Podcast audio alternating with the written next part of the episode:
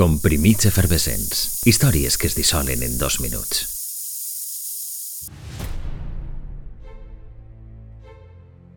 Els seus creadors foren tres germans catalans amb una visió comercial magnífica. Podríem considerar-lo el precursor del Cinexin, tot i que es tractava d'un artefacte que avui en dia no superaria cap normativa de seguretat infantil. El seu nom comercial el conformarien les tres primeres lletres del cognom dels seus inventors. Un 25 d'abril els germans Nicolau patentaven el Cinenic. De funcionament molt senzill, la pel·lícula era només una cinta de paper vegetal amb dos imatges lleugerament distintes situades dalt i baix.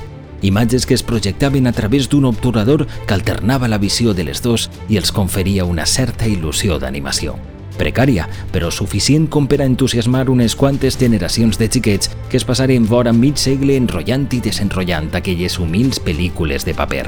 Un invent que disfrutarien també xiquets i xiquetes dels Estats Units, França o el Regne Unit, però el més interessant del cine NIC era la possibilitat d'elaborar pel·lícules casolanes. Estimulava la creativitat i fins i tot va despertar vocacions. És el cas del director de cine Daniel Monzón, que no fa molt explicava com als 10 anys ja organitzava autèntiques premiers per al veïnat amb les seues creacions de Cinenic.